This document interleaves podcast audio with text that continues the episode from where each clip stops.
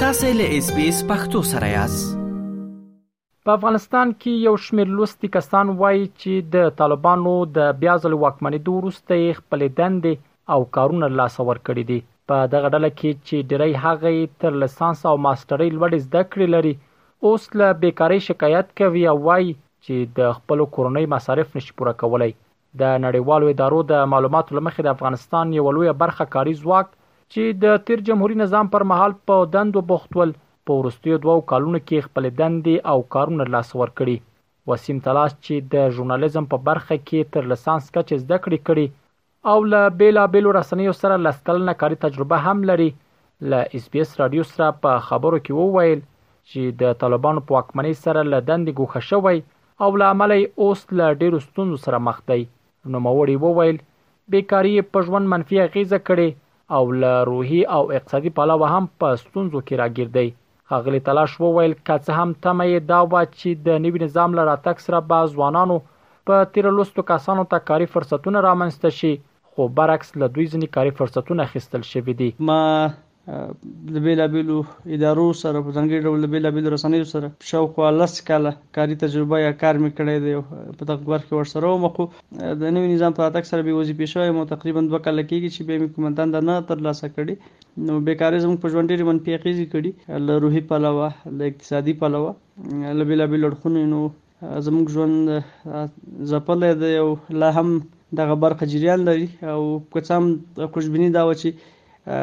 نوی نظام که څه هم په لومړیو کې خو تحولاتو اتمن یو څه مشکلاتي خو د دوه کلو یا یو نیم کال په تېرېدو باندې تمه دا وه چې بیرته به کاري فرصتونه رامنځته شي بیرته به نړیوال مرستې او نړیوالې موسسې او دغه شي نه جاري شي خو دوی هغه بند کړي او رستر بلې نور ځوانان هم بیکاره کیږي نو که همدغه حالت دوام ولري افغانستان به د یو ډیر سخت ناورین سره مخ شي په ځانګړي ډول افغان لوستي ځوانان چې کلونه کلونه هڅې کړې وي ترڅو د ځان او کورنۍ لپاره یو څه شي خو اوس چې هغه ثمرې ته رسېدلي ټول روزګار دي او د یو نامعلوم برخلیک سره مخ محمد بشیر بیا د کابل ښار یو بل اوسېدونکی دی هغه له اسبیس راډیو سره په خبرو کې وویل چې د انګلیسي ادبیاتو په برخه کې زده کړې کړي او په وینا یې شاوخوا میاشت کیږي چې خپل دنده یې له لاسه ورکړې او اوس د یوې بلې دندې په لټه کې دی هغه وویل په دې وروستیو کې له سختو شرایطو سره مخ دی او له طالبانو یې وغوښتل چې خلکو ته دې د کار زمینه برابره کړي. تر لیسانس پورې مې زده کړې کړې دي د انګلیسي په ادبیاتو برخه کې او د دې تر څنګ تر درې کلونو پورې په درس ورکولو یا ټیچنګ کې هم ایکسپیرینس لرم. شاوخوا میاشت کېږي چې خپله دنده مې له لاسه ورکړې ده او په دې لټه کې یم تر څو د ځان بوخت ساتلو لپاره یو مناسبه دنده پیدا کړم نو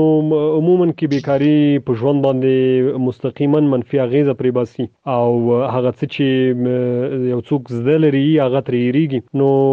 په کار خدا ده چې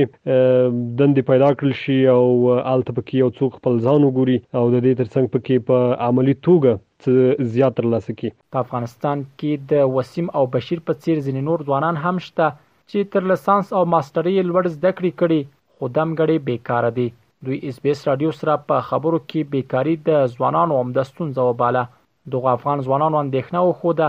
که لوستو کسانو ته په کور دننه د کار زمینه برابره نشی د دی ویره شته چی له افغانستانه د کډوالۍ څپه لا پسی زیاته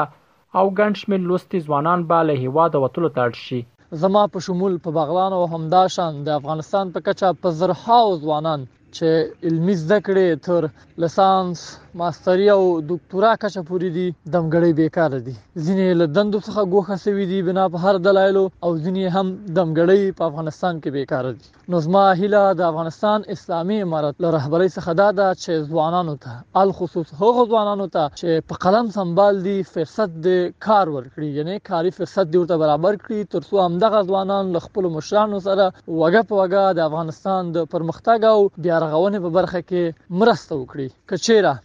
دغو ځوانانو ته چې علمي زده کړې لري او په افغانستان کې دم ګړۍ بیکاره دي د کار زمينه ورته برابر نکړل شي نو احتمال لري چې د مهاجرت څپه بلا په افغانستان کې زیات شي او ګڼ شمیر باسواد ځوانان بل افغانستان نه د اروپا په مخه یا هم نور ملکونو ته د وی مړې حلال ډوډۍ پیدا کولو لپاره افغانستان پریږدي او په قاچاق ډول نور ملکونو ته ولاړ شي. بیا هم بېکاري ډېره زیاته ستونزمنه ده، په داسې یو وخت کې چې کار نه وي، روزګار نه وي، ځوانان مجبورېږي دې ته چې اړ شي څو خپل هېواد پرېږدي او نورو هېوادونو ته په قاچاقي لارو لاړ شي. زموږ بیا هم غوښتنه همدا ده چې له اسلامي امارت څخه هغه ځوانان چې اوسمهال په هېواد کې دي، هغوی ته د کار زمینه برابره کړي، هغوی په خپلو دندو کې هلته وګماري، او باید هغوی ته د کار زمینه برابر کړي په داسې وخت کې چې بیکاري وي ژمی وي نو خامخا به له سختو ستونزو سره مخ وي. په افغانستان کې د تېر جمهوري نظام پر مهال هم اوزګارتیا یوه لویه ستونزه وه خو د طالبانو له واکمنېدو سره دغه کچه لوړه شوې. هڅه مو وکړه ترڅو په دې اړه د طالبانو حکومت نظر له ځانه سره ولرو خو بریالي نه شوو. اما له دې وړاندې د دې ډلې ویاندویانو له رسنیو سره په خبرو کې ویلي وو چې د پخواني حکومت ټول ځوان کدرونه اوس هم د دوی په حکومت کې په دندو بوخت دي. خو د دوه زره او دوه ویشت کال په جنوري میاشت کې د ملګرو ملتونو یو راپور وښوده چې په افغانستان کې د طالبانو بیا ځل واکمنېدو وروسته پنځه سوه زره کسانو خپلې دندې له لاسه ورکړې دي. په افغانستان کې داسې مهال لوستي ځوانان له بېکارۍ شکایت کوي چې د طالبانو بیا واک ته رسېدو راوروسته له دغه هېواد سره بهرني مرستې په تېرو شاوخوا شل کلونو کې تر ټولو ټیټې کچې ته رسېدلې دي. د طالبانو پر حکومت مالي بندیزونه دا ستونزه لا پراخه کړې او بېکاري هم تر ټولو لوړې کچې ته رسېدلې ده. رحیم الدین اوریا خېل،